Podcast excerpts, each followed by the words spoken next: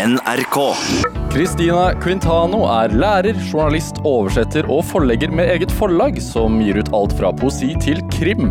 På Facebook kaller hun seg derimot Budbringeren fra helvete, og siden 2001 har hun dokumentert og formidlet flyktningskrisen i Middelhavet på en usminket måte. Dette er Drivkraft med Vegard Larsen i NRK P2. Christina Quintano, hjertelig velkommen til Drivkraft. Hei, tusen takk. Du, Jeg ram, ramset jo opp alle disse titlene dine, og jeg glemte, glemte jeg noen? Nei, jeg tror det var eh, ganske dekkende. Litteraturviter er din Litteraturviter er utdannelsen i tillegg til lærerutdannelse. Ja, Ja. så, men det var innafor. Men, men hvis du hilser på noen, eh, og de spør deg hva du driver med, hva sier du da? ja, det kommer litt an på konteksten og hva som har skjedd eh, både i Middelhavet og i mitt eget liv akkurat da. Men det er veldig hyggelig når jeg kan si hei, jeg er oversetter. Eller jeg sitter og skriver på en hyggelig artikkel. Du ser an Ja, jeg ser an situasjonen. Ja. Eh, du er malteser og nordmenn. Nordmann. Ja. Jeg har aldri vært på Malta. Nei. Kan ikke du fortelle meg om øya? Malta er eh, Europas sydligste land. Det er også Europas mest tettbebygde land, og er et eh, land som består av fem små øyer midt i Middelhavet. Eh, Så godt som et steinkast fra Libya. Så mellom Sicilia og Libya ligger Malta. Ganske langt ute i Langt havet. ute i havet. Man, eh, det går ferge dit fra Sicilia, men, men det er en fire timers flytur fra Oslo. Er det klipper eh, langs eh, Hele, hele øya består av kalksteinsklipper. Så det er ganske relativt flatt og karrig øy. Er det mm, Jeg har sett noen bilder her eh, på nettet før du skulle komme hit. Jeg måtte jo forberede meg på det. og Det ser veldig sånn naturskjønt ut. Det er naturskjønt fra eh, januar til juni, og så er det ganske brunt og tørt hele sommeren og høsten. Det er veldig varmt der, og det er jo et nordafrikansk klima. Um, det er ingenting som vokser der egentlig naturlig, men eh, mye eh, fokus på beplanting av trær og og så det er grønt nå, men fra naturens side, da det kom mennesker fra Cecilia til Malta for 10 000 år siden, da, da er det beskrevet som det mest eh, tørre og karrige de kunne ende på. Og det har vært sånn gjennom eh, historien. Det har vært både eh, riddere og beleiring av Malta, og det er en sånn øygruppe egentlig ingen ville ha. Men det er en, det er en eh, øygruppe og et land med veldig mye kulturhistorie. Veldig mye kulturhistorie. Malteserne slo tyrkerne i det store slaget i Middelhavet i 1665. Men de har jo for så vidt vært beleiret og beseiret av alt fra Napoleon til ja, Hva, hva lever folk av? Eh, Man lever mye av eh, turisme, og så er jo Malta en, eh, en sånn cargo-hub. Sånn at det er så mye skifte av varer som skal videre ut på Middelhavet. Og så er det jo ikke til å stikke under en stol at det er i en liten skala et skatteparadis. Så det bor noen tusen skandinavere der som jobber med gambling, og, og det er jo den biten vi helst ikke snakker om, men den er nå absolutt en del av landet, det òg. Ikke en veldig tett befolket eh, Jo, det er Europas mest tettbebygde Jo, men det er ikke så mange mennesker. Nei, det bor en halv million eh, maltesere der. Ja. Ja. ja. Eh, vi skal snakke mer om Malta, selvfølgelig, men uh, først også fordi aktivisme har vært et stikkord som har fulgt deg hele livet. Og uh, egentlig bare uker etter at du uh, ble født, så fikk du føle på kroppen det at familien din ikke ble sett på som helt norske. Ja. Hva var det som skjedde da? Ja, ehm, jeg ble, Foreldrene mine pleier å si at jeg ble laget i Malta, født i Norge, døpt i Malta, og siden så har det gått frem og tilbake i omtrent det tempoet. Men jeg ble altså født i Norge fordi mine, min mor er, er norsk, og de ønsket å, å ha hovedbase i Norge. Min far var utdannet um, flytransportøkonom. Og da jeg var eh, helt nyfødt, så fikk han drømmejobben i SAS, med arbeidskontor på det som da var Fornebu. Fornebu var eh, på den tiden et militært område, og da jeg var seks uker, så kom fremmedpolitiet og hentet min pappa og sa at eh, ettersom han kom fra et land som var så nærme Libya, og hvor de snakket arabisk, så måtte vi forstå at han ble sett på som en potensiell terrortrussel for det norske folk. Så han fikk eh, fortsette i SAS, men han fikk ikke nærme seg nei, Fornebu. Og det er klart at det var jo eh, Bare pga. bakgrunn? Ja. Ja. Så eh, da søkte han seg til Air Malta, som er det maltesiske flyselskapet. Og det er klart at uten jobben i Norge, og uten å kunne drive med det han elsket, så var det å flytte hjem igjen til Malta den beste løsningen akkurat da. Og da var jeg maltesisk statsborger. Eh, Så um, mamma flyttet litt frem og tilbake med meg, men eh, jeg fikk også da ikke oppholdstillatelse i Norge. Og da var det sånn at barnet tilhørte far. Så da fikk min norske mor beskjed om at hun fikk sende meg til far, som da jobbet i Malta, eller bli med. Ja, fordi hvordan, er, hvordan var kvinners rettigheter på Malta den gangen? Ja, de var eh, slik de var i store deler av katolske land i Syd-Europa på den tiden. Min mor kunne ikke kjøpe en bil eller, eh, eller eh, lage en strømavtale uten at min far signerte. Og for henne var det en situasjon som var helt uholdbar, så det endte med at de skilte seg da jeg var relativt liten. Og vi, min mor og jeg flyttet til Norge, og um, de forble kjempegode venner. Og min far jobbet jo da i Air Malta, så jeg har jo reist direkte mellom Norge og Malta nesten hele livet. Så det har vært et evig liv i transitt. Som en sånn 'jeg reiser aleine'-skilt. Ja, faktisk. Ja. Så du har vært mye på flyplasser? Man. Mye på flyplasser, og jeg elsker flyplasser. Ja? Ja, ja. Hva, hvorfor det? Jeg vet ikke, det er noe med eh, så fort jeg er på reise Uansett om jeg skal på en egen liten ferietur eller om jeg skal et sted som handler om bistand, så er det noe med å bare være på farten og på vei til noe nytt. Og ja. Alle flyplasser ligner jo litt på hverandre også. Det er som et egen, Ja. egen liten nasjon. Ja. sånn, ingenmannsland, egentlig. Eh, Men, men hvordan er det å vokse opp med en sånn splitta familie? Em, nå har jeg veldig stor familie på begge sider. Ja. Sånn at jeg har på en måte komplett sett med tanter og onkler. Jeg har til og med en høyst levende materialkarisk bestemor på Malta, som, som absolutt er familiens overhode. Hvor gammel er hun? Hun er 92. Oi. Ja, uh, og, uh, men det er jo alltid den følelsen av at man ikke helt er der man skal være. Det er alltid noen som er savnet, enten det er mamma eller pappa som ikke er med på det ene eller det andre. Um, og også denne forståelsen av at um, Et savn som hele tiden ligger i bunnen. Da, sånn at man er aldri helt hel, men så er man aldri heller helt splittet. Og så føler jeg meg hjemme uansett hvor jeg er. Og det tror jeg egentlig har tatt med meg uansett hvor jeg er i verden. Så lenge jeg har en koffert og en bok. Så føler du tilhørighet eh, begge steder? Eller? helt. Ja. Ja. Hvis noen spør meg hvor jeg er fra, så er jeg fra det landet jeg er i akkurat da. Eller kanskje jeg nettopp er fra det andre landet fordi jeg savner det. Og jeg tenker at man er jo ofte fra um, Identitet handler jo veldig mye om hva man tenker, hvilke språk man tenker på, og hvilke språk man banner på. Uh, og jeg uh, tenker på norsk og banner på maltesisk. Og drømmer ofte på engelsk. Og da tenker jeg da har man liksom merga de tre språkene som man har hatt med seg fra man ble født, da. Ja. um, hvor, hvor mye uh, tror du denne splittelsen har hatt å si for valgene du har gjort seinere i livet? Jeg tror den har hatt eh, veldig mye å si, også fordi Altså Når norske myndigheter sier sånn Nei, du er faktisk Vi ser på deg som en trussel, så Når du er seks uker gammel, så forstår man det jo ikke. Men man, man forstår det etter hvert, kanskje. aldri tillit norske myndigheter helt for det. altså. Du har aldri tillit til? Nei. Nei. Det er mye annet jeg ikke har tillit til i ettertid. Men, eh, men, eh, og derfor så forstår jeg så inderlig godt fortvilelsen. Altså, vi var en familie som i hvert fall var trygg og kunne velge mellom to trygge land. Men, eh, men eh, det norske myndigheter gjør med å splitte familier og Nei, det er helt Jeg tilgir dem ikke et sekund. Dette er Drivkraft med Vegard Larsen i NRK P2. Ja, og i dag har vi forlegger og flyktningsaktivist Christina Quintano her hos meg. Nå sa jeg forlegger, ja, det er greit? Ja, det er kjempefint. Det er absolutt en identitet. Ja. um, du er jo blitt uh, kjent for å dokumentere båtflyktninger. Uh, dette begynte du med i 2001, hvis jeg forstår det riktig.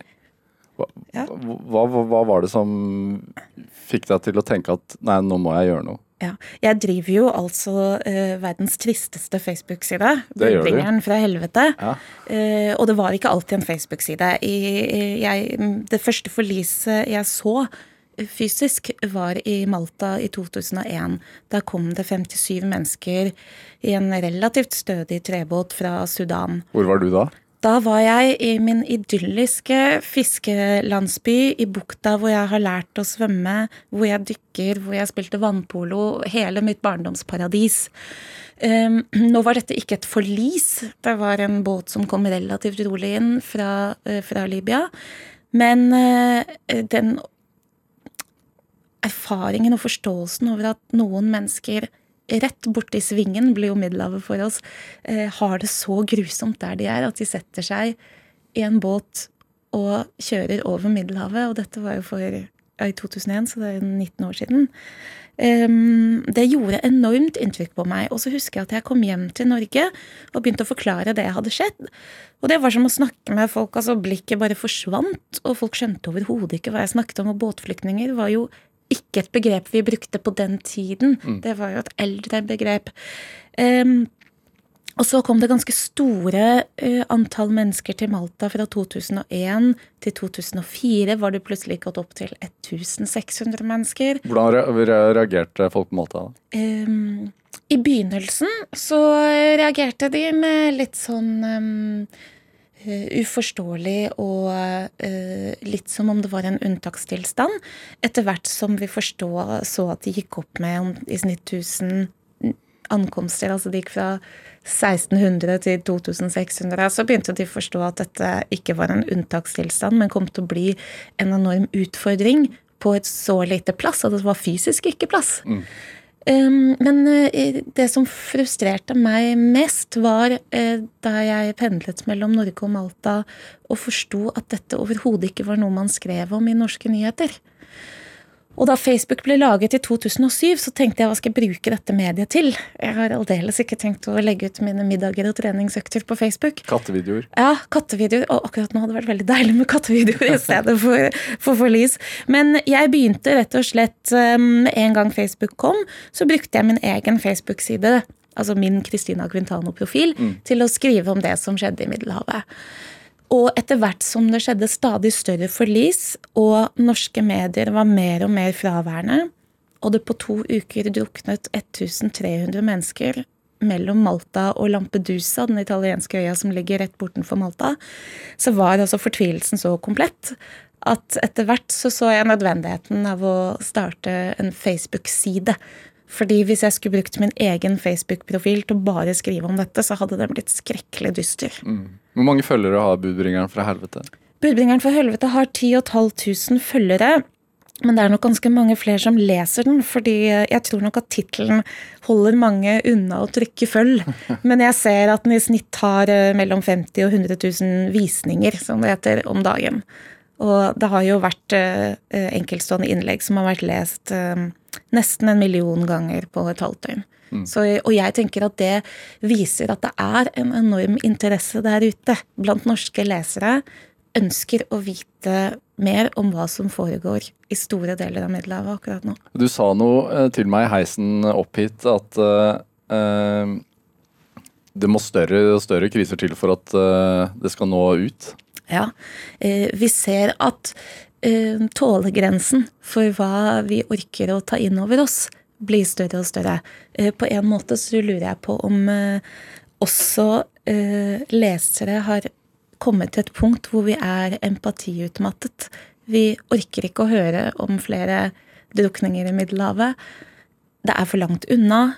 Um, vi vet at det druknet tolv mennesker i går kveld, og en båt ble funnet med en mamma som satt og holdt rundt barnet sitt. De var jo døde i båten begge to. Og så tenker jeg Det skjedde i går. Ja, utenfor Lampedusa. Og så tenker jeg, hvor er media? Hadde dette skjedd med eh, hvite barn, så hadde, hadde det vært ramaskrik. Det går ned én, to, tre Titanicer i året i Middelhavet, og det er ingen som bryr seg. Nei, det, er godt du bryr deg. Eh, hva har du sett selv? Ja, jeg beskriver i en eh, tekst som jeg har kalt 'Kjære Gjøran', hvor jeg har henvendt meg til justisministeren, og der beskriver jeg hvordan døde barn lukter. Og da beskriver jeg også i detalj eh, hvordan det føles å løfte opp et dødt barn fra vannet som har ligget der i mer enn to timer. Og mm, jeg har vel omtrent sett det som sees kan av uh, grusomme ting, både um, utseendemessig og hjelpeløshetmessig. Jeg tror nok det verste var i et stort forlis utenfor Malta, da jeg befant meg i et helikopter. Og i et helikopter er man jo veldig hjelpeløs, man får bare bevitnet. Og det druknet 50 mennesker samtidig, og lyden av mennesker som drukner, høres akkurat ut som måkeskrik. Og det å sitte, og hvis man lukker øynene og hører på et forlis, så er det der man kunne like gjerne sittet i Drøbak en lund sommerdag og hørt på måkene. Uff, uh... og, og, det å se det ovenifra, da, det mm. kaoset i bølgene, det tror jeg er det verste, er nesten å være der og ikke liksom stå på stranda og gjøre noe fysisk. Det, du, du, du, snakker om en slags empatiutmattelse, og, og for uh, den som sitter og lytter nå, så er det jo også litt sånn, antageligvis, kan jeg tenke meg, for enkelte i hvert fall, liksom fristende, og dette orker jeg ikke å høre på. Mm. Uh, jeg veit at det skjer, men jeg orker ikke å høre, høre, på det. Jeg orker ikke å ta det inn over meg. Og, men, men, du velger i stedet å skrive veldig usminka om dette her, om opplevelsene dine, om lukten, om synet, om skrika. og det um, Hvorfor, hvorfor, tenker du at det er viktig å faktisk gjøre det, og gjøre det så usminka? Mm. Jeg tenker at det er viktig på to plan. Det er viktig å gjøre det usminka, og så er det også viktig um, For jeg beskriver det jo aldri så groteskt som det faktisk er. Og jeg tenker at da mister man uh, leserne. Så uh, jeg er veldig opptatt av at uh, det er det usminkede som er det sanne. Et dødt menneske som har druknet, er ikke vakkert. Og jeg føler at vi på en måte glamoriserer denne drukningsdøden. For de fleste i, i Nord-Europa så startet flyktningkrisen i 2015 med et bilde av gutten som blir kalt Alan Kurdi. En tre år gammel gutt som ligger på stranden utenfor Bodrum. Dette, kunne vært, dette, dette er dette bildet mye, ja. av den lille gutten i rød T-skjorte og blå shorts. Og det var på en måte Det er et kitschaktig, veldig vakkert, det er et perfekt bilde på et druknet barn. Problemet er at denne gutten heter ikke Alan Kurdi, han heter Aylan Chenou. Og det druknet fire barn i det forliset, i tillegg til mammaen hans. Men bare det er for mye til at vi orker å ta det innover oss. Det vi orket å forholde oss til, var dette ene bildet. Og jeg tror rett og slett at for veldig mange, særlig for foreldre, så er det for mye. Og det øyeblikket vi tar innover oss at det drukner at det ligger over 40 000 mennesker minst på bunnen av Middelhavet. Når vi tar det inn over oss, så krever det egentlig også at vi må handle. Men, men det, det, bildet vekket jo også en del? Det vekket, og det var kjempeviktig. Eh, og på en måte så var jeg veldig mm, lettet da det bildet kom, fordi det medførte et fokus på Middelhavet som ikke hadde vært i denne delen av Europa før. Og på samme måte så ble jeg enda mer fortvilt, fordi eh, det hadde druknet 1300 mennesker to år før, og det var knapt nevnt i en notis. Men jeg tror allikevel at disse, eh, det vi kaller de ikoniske bilder, er viktige. Um, dette og bildet av en liten gutt foran en oransje ambulanse i Aleppo. Det er liksom disse enkeltstående barnebildene som vekker, og de er helt nødvendige. Fordi et, altså, et, et bilde av ett barn symboliserer jo alle barna. Symboliserer alle barna, ja. Hvilke reaksjoner får du på bloggen eller på Facebooken? Eh, gjennom budbringeren fra helvete får jeg jo den styrken som jeg trenger for å fortsette dette arbeidet. Det er utelukkende pga. de 10 000 følgerne og medbudbringerne og medaktivistene dette er mulig. Hadde jeg ikke fått eh, de reaksjonene og visshet om at eh, dette måtte fortsette, dokumentasjonsansvaret, så hadde jeg ikke orket dette. Men det er klart, jeg får jo motstand også mindre nå enn jeg gjorde i begynnelsen, også fordi jeg oppsøker det mindre. Jeg leser ikke kommentarfeltet på Resett og Nettavisen lenger. da mister man overskudd. Men, eh, men, det er selvfølgelig eh, fordi jeg vet at det er nødvendig at det fortsetter. Men, men um, kommentarene um, Altså På hvert eneste innlegg kommer det reaksjoner og kommentarer. Men det er vissheten om at vi egentlig er mange, mange, og at det bare er stemmen. Og så er jo dette et samarbeidsprosjekt. Det, jeg får jo informasjonen min fra et sted. Mm. Jeg er medlem av over 300 Facebook-grupper som kontinuerlig jobber med å samle informasjon. Ja, for det lurte jeg på, fordi du du makter jo ikke å være på Malta eller Lampedusa eller i Hellas til enhver tid. Nei, og Middelhavet er stort, så det er eh, fysisk umulig å være der til enhver tid. Og jeg reiser jo veldig, veldig mye ja. uh, rundt i Middelhavet. Og det handler både om å uh, se krisen selv. Det er veldig viktig for meg å vite hvordan det ser ut der jeg skriver om til enhver tid. Det handler også om at jeg må bistå som frivillig selv for å føle at jeg virkelig får gjort en nytte. Og så handler det om å bygge tillit. Eh, det er veldig skjørt å være frivillig. Det er skjørt å være på redningsskip. Så for å få den informasjonen man trenger, så er man avhengig av at man har ryggen til hverandre. Jeg har kontakt med de ulike redningsskipene kontinuerlig. Du får kontinuerlig oppdatering? Ja, jeg vet hvor de er til enhver tid. Så akkurat nå er det faktisk ingen redningsskip i den sentrale delen av Middelhavet. Selv om politikerne snakker som om det ligger en flåte av redningsskip og loser folk over havet, så er jo akkurat Ocean Viking, det norske skipet, har nå lagt til i Syd-Italia med 176 mennesker i morges. Og utover det så er det akkurat i dag det endrer seg fra dag til dag, men akkurat i dag så er det ingen på havet i det hele tatt som dokumenterer hvor mange som setter ut, hvor mange som drukner. Nei, det, Så vi vet ikke? Vi, vet, vi kommer aldri til å vite det. Det er en liste på 40 000 navn som er satt opp av International Organization for Migration. Men det er bare de menneskene som er dokumentert omkommet, eller som er meldt savnet, og man har god tro på at de var akkurat der. Veldig mange som jobber med dette, mener at det er i hvert fall ti ganger så mye. Vi aner ikke hvem som satte ut hvor i natt. Jeg lurer på, når du har vært der nede og jobbet som frivillig, og, og uh, de scenene du beskriver, uh, er jo grusomme. Uh, hvordan påvirker det deg? Og hvordan har det påvirket deg? Det påvirker på mange plan. Altså Hvis dette ikke hadde gått inn på en, så hadde man virkelig vært psykopat. Dette er klart jeg blir påvirket. Jeg blir Det veksler mellom å være fortvilet, lei meg, frustrert, sint eh, akkurat når jeg er i felt, så er jeg bare effektiv. Fokusert. Og fokusert. Og da gjør man jo også noe veldig konkret. Eh, når jeg er hjemme, så planlegger jeg stort sett hvordan jeg kan være konkret neste gang. Eh, og så går det jo enormt mye tid på denne researchen. Det som gjør meg ordentlig lei meg, altså når jeg begynner å gråte, eh, det er f.eks.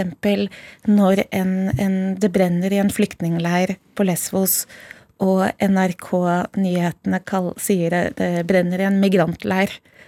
Da kjenner jeg på at vi har um, redusert flyktningenes identitet til ingenting. Og jeg tenker at dette med identitet er liksom det aller, aller viktigste oppi denne. I hver eneste sko, i hver eneste båt, i hver eneste redningsvest, så er det et menneske som er noen noens familie, noen som er baker, lege, snekker, sykepleier, som plutselig har blitt migrant. Dette er Drivkraft med Vegard Larsen i NRK P2. Og I dag så har vi forlegger og flyktningsaktivist Christina Quintano her hos meg. Eh, du snakker om identitet og språkbruk, og jeg veit at du er veldig opptatt av dette her. Eh, og spesielt eh, emigrant. Eh, hvorfor, hvorfor, kaller man det ikke flyktninger lenger, tror du? Jeg tror også det handler om eh, litt om fraskrivelse av ansvar. Og rent sånn teknisk så eh, er migrant et menneske som flytter på seg. Så teknisk kan man også kalle det migranter, men jeg tror det er utrolig viktig å snakke om hva disse menneskene flykter fra. Og da er det jo viktig å tenke at ingen setter seg i disse gummibåtene med mindre havet er tryggere enn land. Og det skal jo også sies at noen starter selvfølgelig sin fluktreise som økonomisk migrant. Mennesker fra Eritrea, for f.eks., eh, flykter eh, både fordi det ikke er eh, mulig å oppholde seg der, fordi de ikke eh, har mulighet til å tjene til livets opphold. Det er tvungen militærtjeneste for menn, nå også for kvinner. Eh, mennesker er redd for at barna deres skal bli hentet eh, når de er 15 år og sendt ut i krig. Men det å komme seg ut av et land, f.eks. i Afrika, på veien så blir man veldig ofte flyktning. Fordi man starter ferden f.eks. ut fra Eritrea, eh, og så flykter man over Rødehavet med hjelp av smuglere til Jemen, og så tilbake igjen til Sudan, og så til Egypt, og så til Libya. Og når man har kommet seg til Libya, og kanskje brukt to år på det, så blir man flyktning underveis. Ja, For man blir papirløs? Man blir papirløs. Eh, man opplever tortur og eh, overgrep Eh, jeg har ennå til gode å møte et menneske som har krysset Sahara uten store utfordringer. Sånn at, eh, og veldig mange ønsker jo heller ikke engang å komme til eh, Europa. Veldig veldig mange skulle bare flytte seg nordover i Afrika for å finne seg et rolig sted og en jobb. Sånn at de som setter seg i, i båter og krysser Middelhavet, er de som virkelig ikke har noe valg. Men er det enklere å si migrant? Ja, det tror jeg. Jeg tror det skaper den avstanden vi trenger for å ikke se på dem som mennesker lenger. Ja, Og at man sier 100 stykk og ikke sier 100 ja, mennesker. Og da tenker jeg da er vi helt nede på ordenes arsenikk. Og eh, man skal være veldig forsiktig med å sammenligne noe av det som skjer nå, med noe av det som skjedde for 70 år siden. Men vi vet jo at eh, i, i leire under andre verdenskrig så var jødene redusert til stykker, og de sa at nå kommer det 500 stykker i natt, og det er 1000 stykker på toget. Så jeg tenker at det er viktigere enn noen gang at vi, vi kaller disse menneskene på flukt for det det er, og det er mennesker på flukt. Er det, når du har holdt på med dette så lenge som du har, og også er opptatt av enkeltskjebner, er, er det enkelthistorier som har gjort sterkere inntrykk på deg enn en andre? Som du liksom bærer med deg? Ja, det er det absolutt. Um, jeg bærer med meg enkelthendelser. Uh, og så bærer jeg med meg enkeltes skjebner som jeg både har kontakt med, og uh, som nå er uh, familie. Sånn at, uh, kan du fortelle om noen av de skjebnene? ja. Jeg, jeg, eh, sto på stranden på Lesvos og tok imot en veldig stor båt med veldig mange barn. Og så fikk jeg et barn, eh, en syv år gammel jente, i armene. Hun var pakistansk. Og så um, hadde hun, hun kastet opp på meg og var full av olje og oppkast, og jeg løp rundt og lette etter foreldrene hennes. Og så fikk jeg skiftet på henne. Og så ropte jeg på engelsk, for det var bare engelske frivillige der. Så ropte jeg til noen I wish I knew this child's name. Og så titter hun opp på meg, og så sier hun Miss Christina, my name is Fizza. og så sier jeg You speak English? Og så sier hun Yes, I came first in English and Urdu in my class. Så sier jeg Why didn't you tell me? Så sier hun You didn't ask. Og da tenkte jeg, da hadde jeg sittet der og bare gått ut ifra at denne lille pakistanske jenta ikke snakket uh, engelsk. Men uh, hun uh, snakket flytende både engelsk og UD. Så, så, det er sånne små ting hvor man selv også må liksom gå i seg selv og tenke ah, hvor, vet du hvor, hvor, hun er i dag? Ja, Hun er i Tyskland. De var på vei til sin far. Dette var i 2015, før det var umulig å flytte seg videre gjennom Hellas og nordover Europa. Så vi kontakta hun og søsteren som er to år eldre, er i Tyskland. I denne situasjonen gikk det jo bra, men det som er problemet nå, f.eks. med skjebner, er at Eh, akkurat nå vet vi at det er 32 000 mennesker som sitter fast på de greske øyene. Eh, noen få av dem har sittet der siden EU-Tyrkia-avtalen slo i kraft i mars 2016. Altså i mange år. Eh, og uansett hvilken identitet de hadde da de kom, så om de var tannlege eller snekker, så slutter de jo nå å virke. Så vi sitter og lager mennesker i flyktningleirer som ikke virker lenger. Og det tenker jeg hvordan da? Um, mennesker som ikke får brukt det de er til noen ting. Uh, jeg husker jeg, jeg um, kom inn i et bitte lite telt. Der satt en mor og far med to ett år gamle tvillingbarn. Begge barna var kjempesyke og, og, kastet opp og kastet opp. Og så satt begge foreldrene og ga dem sur melk på flaske. For det var det de hadde? Det var det var det de tenkte var lurt der. Og så sa jeg til dem vi, vi må gi dem vann og, og lunken cola, var det som slo meg akkurat da. Så sier de, eh, også på flytende engelsk, We know we are both dentists. We just stopped working. Men den setningen om at de sluttet å virke, altså både fysisk og psykisk, da Der satt det to tannleger med to spyende unger og ga dem varm melk, for de bare De virket ikke lenger. Og jeg tenker at det er um, det aller farligste og verste vi kan gjøre akkurat nå, er at mennesker slutter å virke, og at vi eh, at barn mister utdannelsen sin, rett og slett. Hvordan uh, har du merket at det har blitt, eller forandret seg, og det å være frivillig og, og, og hjelpe til uh, der nede? For det første så skjedde det et skifte i 2016, særlig Nå er det de greske øyene Eh, det er flest frivillige. Fordi på f.eks. i Spania, Malta og Italia så er det lokale frivillige som bor der og jobber med dette. Så det er eh, i utgangspunktet på de greske øyene at det er sånn adhoc-frivillige som flyr inn og flyr ut igjen. Eh, forskjellen er at, eh, at eh, en form for kriminalisering av bistandsarbeidere, som var helt uttalt før. Man ville aldri ha, ha snakket om bistandsarbeidere som en kriminell handling. Og jeg tenker at når vi har kommet dit nå, eh, organisasjonen Leger uten grenser I går er det 20 år siden de fikk vite at de ble tildelt Nobels fredspris. Og så har vi en tidligere innvandringsminister som omtaler Leger uten grenser som menneskesmuglernes beste venn. Og jeg tenker at da har vi kommet til et ordskifte som er helt på villspor. Og sånn har det vært eh, eh, omtale av frivillige i felt, og den hårfine balansen mellom å være frivillig og eh, smuglerhjelper, da. Har du merket det selv? Altså at eh, reaksjonen til folk når de hører hva du faktisk gjør, har, har den forandret seg? Jeg tror at det kommer an på hvilke land vi snakker om. Når jeg reiser til Libanon eh, og hjelper barna i Bukadalen der, eh, så er folk veldig glad for at vi hjelper dem der de er. Og det er liten sjanse for at mennesker fra Libanon flytter seg nordover i Europa. Når jeg er eh, i Malta og den sentrale delen av Middelhavet, Marokko, Spania, Italia, så er det også til en viss grad forståelse for at vi hjelper dem der de er. Når vi snakker om de greske øyene, så er aggressiviteten og motstanden større blant de som ikke ønsker at vi skal hjelpe dem der de er. Og eh, sånn at når jeg har skrevet f.eks. at jeg er på Lesvos, så er det større sjanser for å få en hatkommentar på Facebook. Hva med her hjemme, da? Her hjemme omgir jeg meg sjelden med mennesker som ikke er på samme side.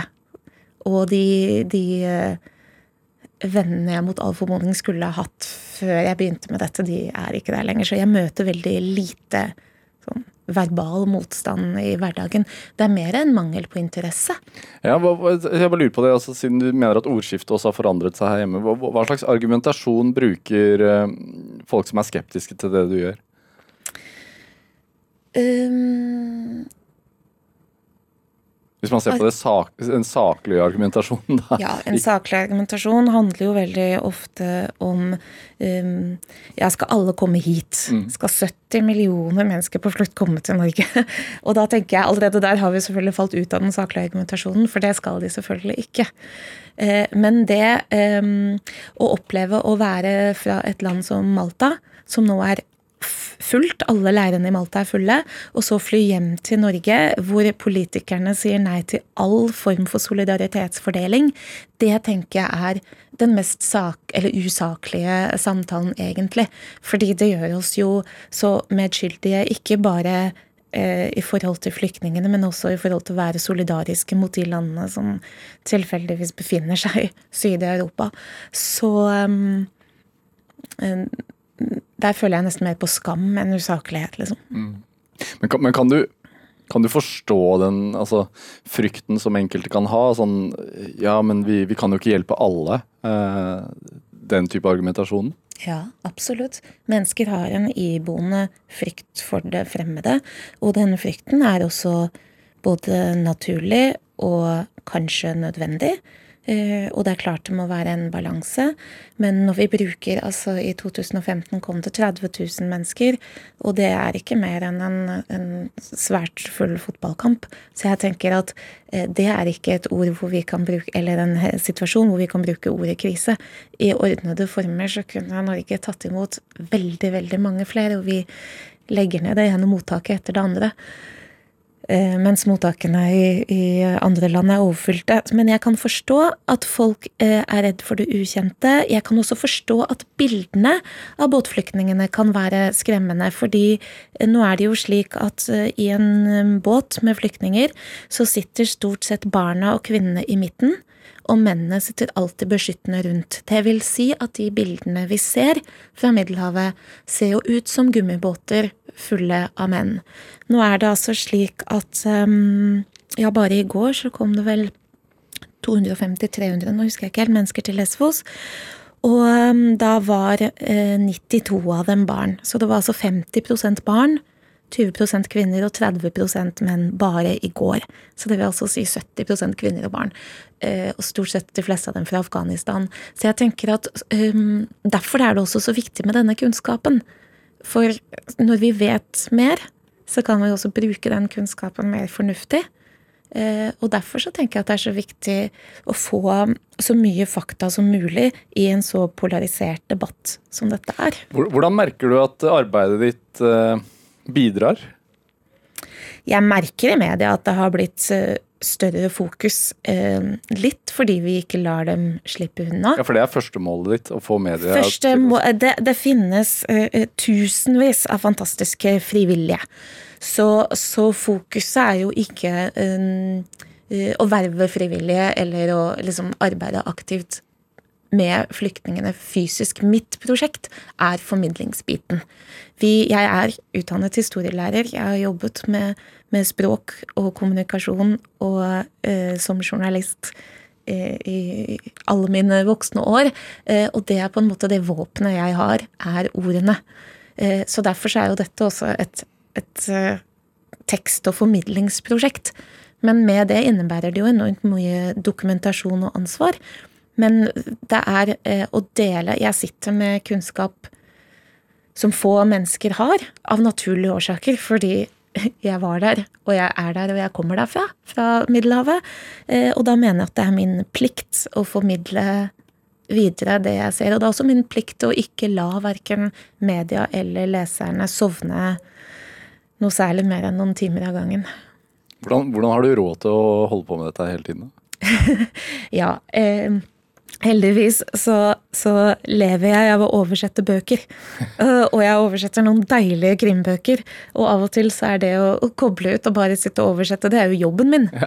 'Budbringeren fra helvete' er nok et fullstendig minusprosjekt. Vi bruker alle pengene våre på å reise til ulike områder og dokumentere. Og så driver jeg dette lille forlaget, Quintano forlag, hvor alle, alt overskuddet fra alle bøkene går uavkortet til et prosjekt som vi velger oss. Dette er Drivkraft med Vegard Larsen i NRK P2. Ja, I dag har vi forlegger, og oversetter og aktivist Christina Quintano her hos meg. Tenker du at det er en hedersbetegnelse å bli kalt aktivist? Um, er det det for deg?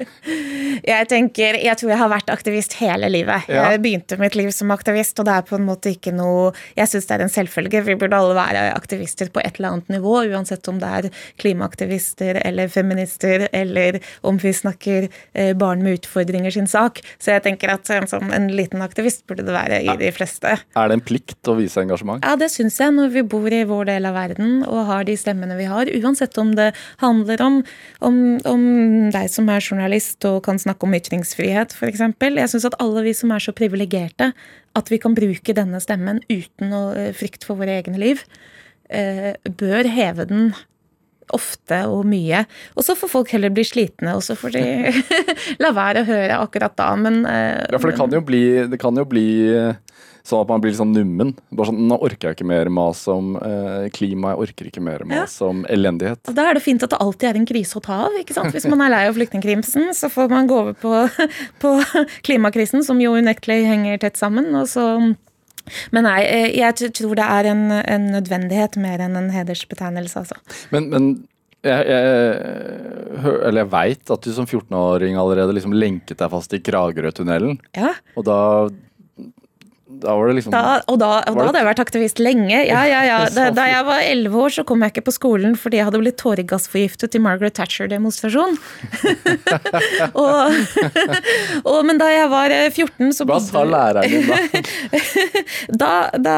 Det tror jeg de syntes var helt greit. Det var verre at min bror som gikk i første klasse, heller ikke kom på skolen. Nei, så min mor har altså Vi har aldri ikke vært i 1. mai-tog eller 8. mars-demonstrasjon eller gått i, i de aller tidligste viktigste homoparadene. Altså, moren din har vært en pådriver? Moren min gikk forrest. Jeg har sett min mor både banket og slått ned av politiet forrest i, i homoparaden, og jeg tenker at uh, det er der det begynner.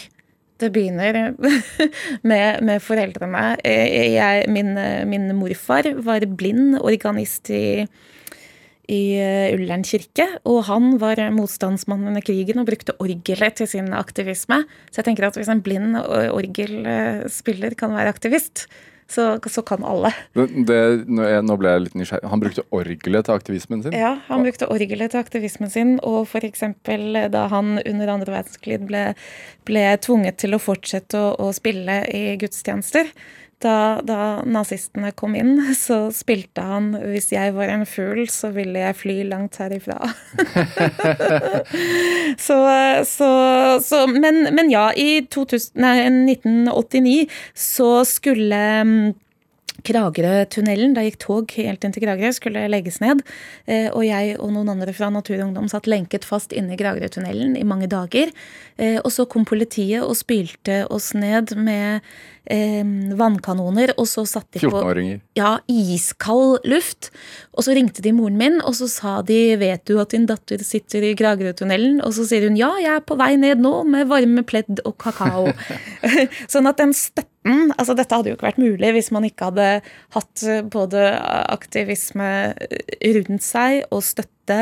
Eh, dette er jo på en måte et familieprosjekt. Eh, jeg har en sønn på 24 som Eh, jeg selvfølgelig har hatt alvorlige samtaler om både at jeg reiser inn i områder som ikke nødvendigvis er helt trygge.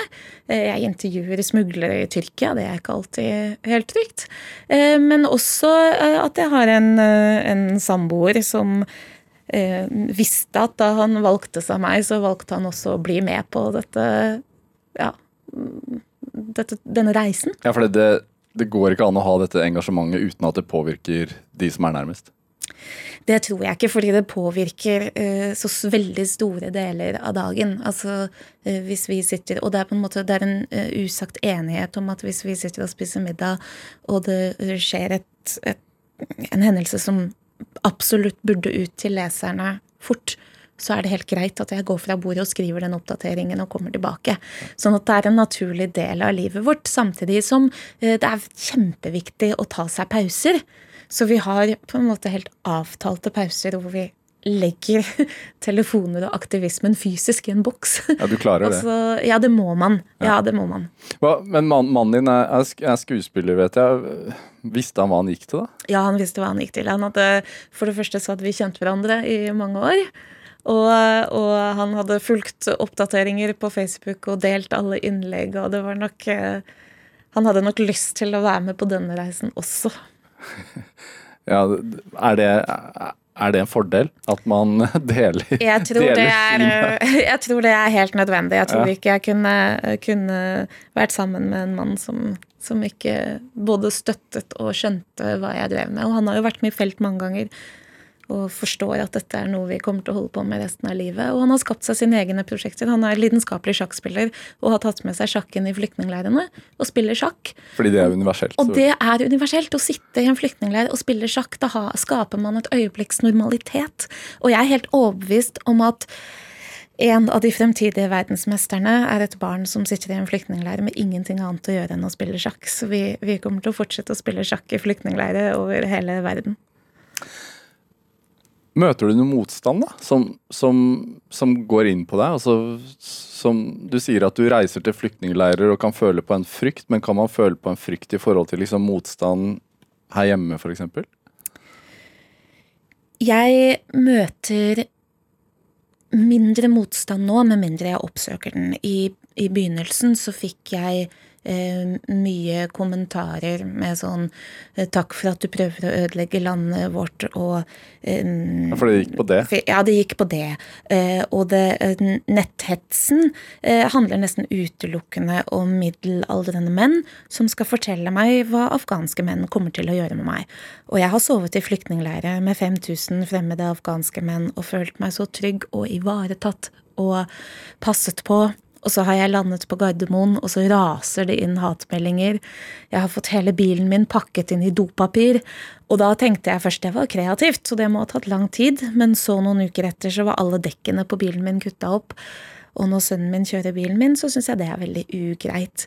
Men dette er ting som på en måte er veldig sånn Blir du redd av det? Nå, altså, hvis jeg hadde gått ut og sett at alle dekkene på bilen min var kuttet opp, så tror jeg at jeg kunne blitt, blitt engstelig. Ja, altså jeg sjekker bremsene på bilen før jeg kjører. Det. Men, det, men det tar ikke Det er ikke det som tar overskuddet mitt. Det som tar overskuddet mitt, er sånne langsomme forsøk på karakterdrap. Altså noen som skriver en lang oppdatering på veggen min om at du og mannen din reiser bare på luksusferier og har sannsynligvis aldri sett en flyktning. Uh, at vi uh, uh, Ja, at vi reiser til de greske øyene og egentlig bare bor på hotell. Eh, I hele sommer så reiste vi gjennom eh, Italia for å både skrive om Italia som det utrolig vakre landet det er, og helt parallelt også dokumentere eh, flyktningenes tilstand i Italia. Og da fikk vi beskjed om at vi bare hadde vært på luksusreise i Italia. Og det er sånne uh, omfattende karakterdrap som på en måte tar overskuddet. Men uh, jeg velger jo å ikke gi det oppmerksomhet, men det hender jo at jeg tenker at kan du ikke bare la det være, liksom? Ja, fordi du gjør jo det også. Eller både du og mannen din, dere skriver jo reiseguider. Som er eh, reisebrev f.eks. fra Libanon. Jeg leste Dagsavisen f.eks. Der, der, der beskriver du et Libanon for livsnytere. Eh, libanesisk mat og drikke. Eh, hvorfor er det en god kombinasjon, tenker du, for, for det du virkelig brenner for? Altså, Du brenner vel antageligvis for mat og drikke òg, kan jeg tenke meg? Jeg brenner absolutt for mat og drikke, og uten mat og drikke så hadde dette heller ikke vært mulig. Og libanesisk Men- vin, og det er helt vin, Nydelig, hvis bare for å understreke det. Hvis noen ikke har vært i, i, i Libanon eller på polet i Oslo og drukket en god Chateau Mozart, så har de en ting å glede seg til. Kostbar, men verdt det. Verdt det, ja, det er verdt det. Eh, Men eh, jeg er veldig opptatt av at denne flyktningkrisen, som vi omtaler som flyktningkrisen, som jo ikke er vår krise, men flyktningenes krise, den ligger på to plan. Eh, For det første så er det det som utspiller seg, altså som er en katastrofe rundt Middelhavet. Det som også er i ferd med å skje, er jo at landene rundt Middelhavet eh, er i ferd med å miste turistene sine. Og vi vet at både Spania og Italia, Malta, Lampedusa og Hellas er helt avhengig av turisme. Eh, Min far underviser i turisme på Universitetet i Malta, og for meg har det blitt et sideprosjekt å utelukkende skrive reiseartikler hvor jeg ikke nevner flyktninger med et ord. Så eh, jeg skriver selvfølgelig jeg skriver reiseartikler fra Malta, men fra, om Libanon så skriver jeg bare om den fantastiske maten, om Beirut som Midtøstens Paris, om vinen. Eh, Lampedusa har 4500 fastboende innbyggere, men om sommeren er det 40 000 turister der, og de har vært fraværende de siste årene. Fordi TripAdvisor har altså kåret eh, strendene på Lampedusa til verdens vakreste strender. Men når det flyter mennesker i land på disse strendene, så forsvinner turistene. Eh, Og derfor er det så utrolig viktig at vi reiser til landene rundt Middelhavet og bare er turister. Bruker penger. På hver eneste gresk øy sitter det en stavros med mat og vin og tzatziki og venter på gjestene sine. Turismen forsvant fra Lesvos i 2016 og 2017. Nå er den på vei tilbake, og Apollo har direktereiser. Men jeg tenker at det er mange måter å bidra til flyktningkrisen på. Ja, fordi Hvis man faktisk ikke reiser dit, så kan det være sånn at eh, myndighetene der bestemmer seg for å virkelig stenge grensene. Um, jeg tror ikke grensene har så mye for um, turismen å gjøre, men de, de stenger jo flyrutene. Ja. Sånn at uh, det var uh, ikke turister på f.eks. Lesvos da, uh, etter eh, altså sommeren eh, etter 2015. Og da tenker jeg at vi virkelig har sviktet, hvis de både skal sitte igjen med, eh, med den største andelen av flyktningene, og vi i tillegg skal ta fra dem livsgrunnlaget. Så, så, og hvis man heller vil bidra, så kan man jo reise et sted der flyktninger på ferie, og så kan man i tillegg ta med seg en ekstra koffert med sko. Så får man gjort begge deler. Men, men også tenker jeg også at man kan det, det, går fint an å kombinere. Reise et sted og, og gjøre noe, eller bidra med noe, og så være turist. Man, man, så en, en uh, ferietur til Malta i nærmere jul, det, det er å anbefale? En ferietur til Malta nærmere jul er absolutt å anbefale. Og jeg har akkurat fått melding nå av en gruppe jenter som skulle på jentetur. Ja. Og de hadde booket en ekstra koffert på flyet, alle sammen, som de bare fylte med klær og sko som vi trengte til flyktningene. Sånn at det går helt an å kombinere hvordan blir det tatt imot der nede? I flyktningleirene? Er det bare, å, det er bare å levere? Ja, Nei, man må koordinere det, så da er det greit å ta kontakt med meg først. For, eh, for eh, i, i, motsetning til akkurat på Lesvos, så er de aller fleste flyktningleirer stengt.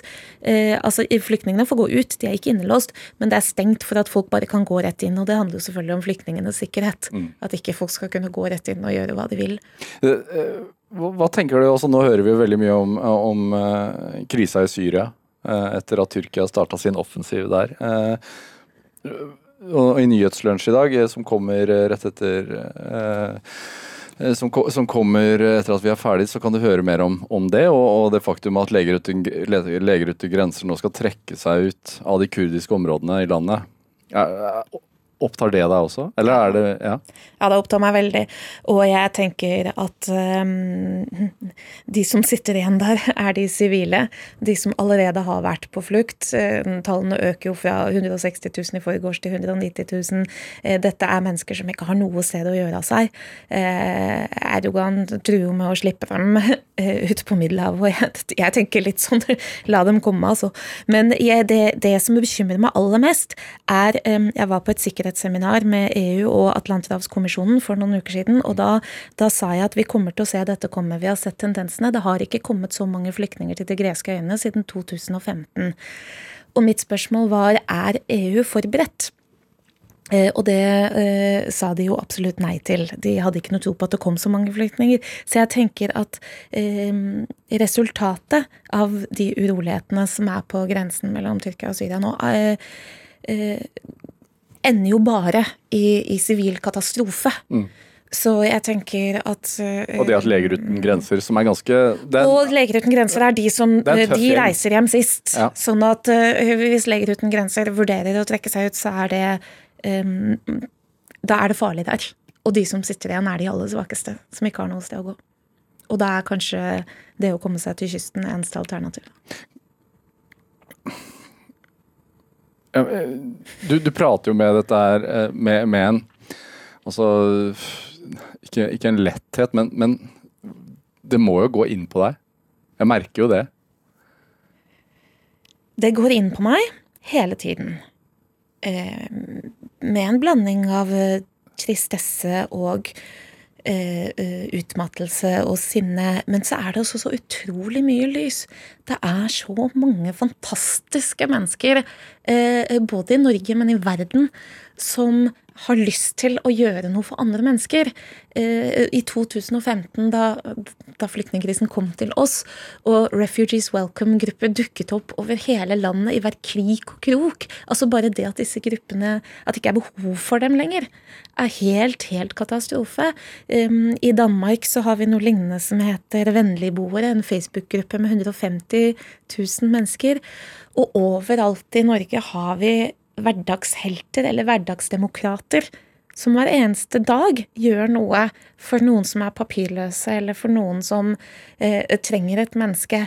Eh, og hvis vi ikke hadde hatt dette lyset, eh, så, så, hadde det jo på en måte ikke vært Og jeg tenker at, at, det er noe med det å også Nå har vi barn begge to. Det å velge å sette barn til verden, det har man jo ingen rett til å gjøre hvis man ikke tror at det på en eller annen måte også fins et lys og en fremtid. Og så blir jeg, eh, blir jeg veldig godt, eh, godt, humør av å høre på Greta Thunberg. Da tenker jeg det, det, liksom, det kommer til å gå bra.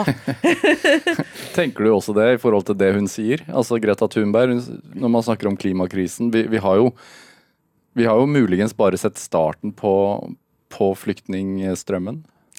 Vi har bare sett starten på flyktningstrømmen. Men når jeg ser på ungdommen, da, eh, da, da, har jeg håp. Det er ikke ungdommen som er problemet, de er jo fargeblinde.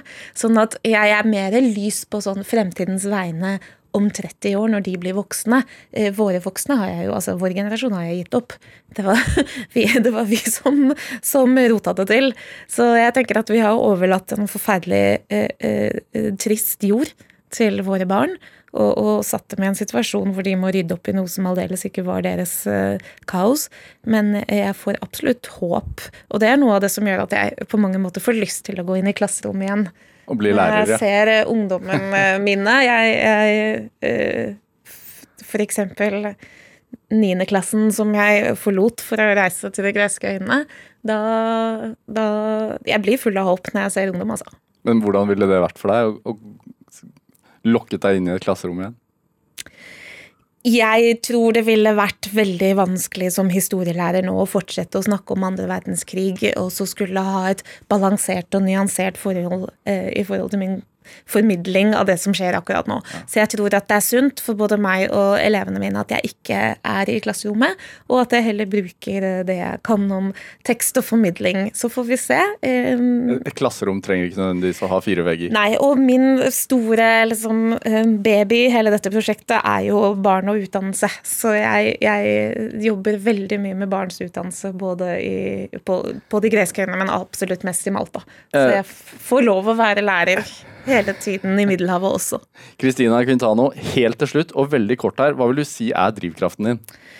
Drivkraften min er uh, styrken og kraften til de kvinnene som velger å sette barna sine i en gummibåt, og alle de menneskene som er budbringerne fra helvete rundt meg hver eneste dag.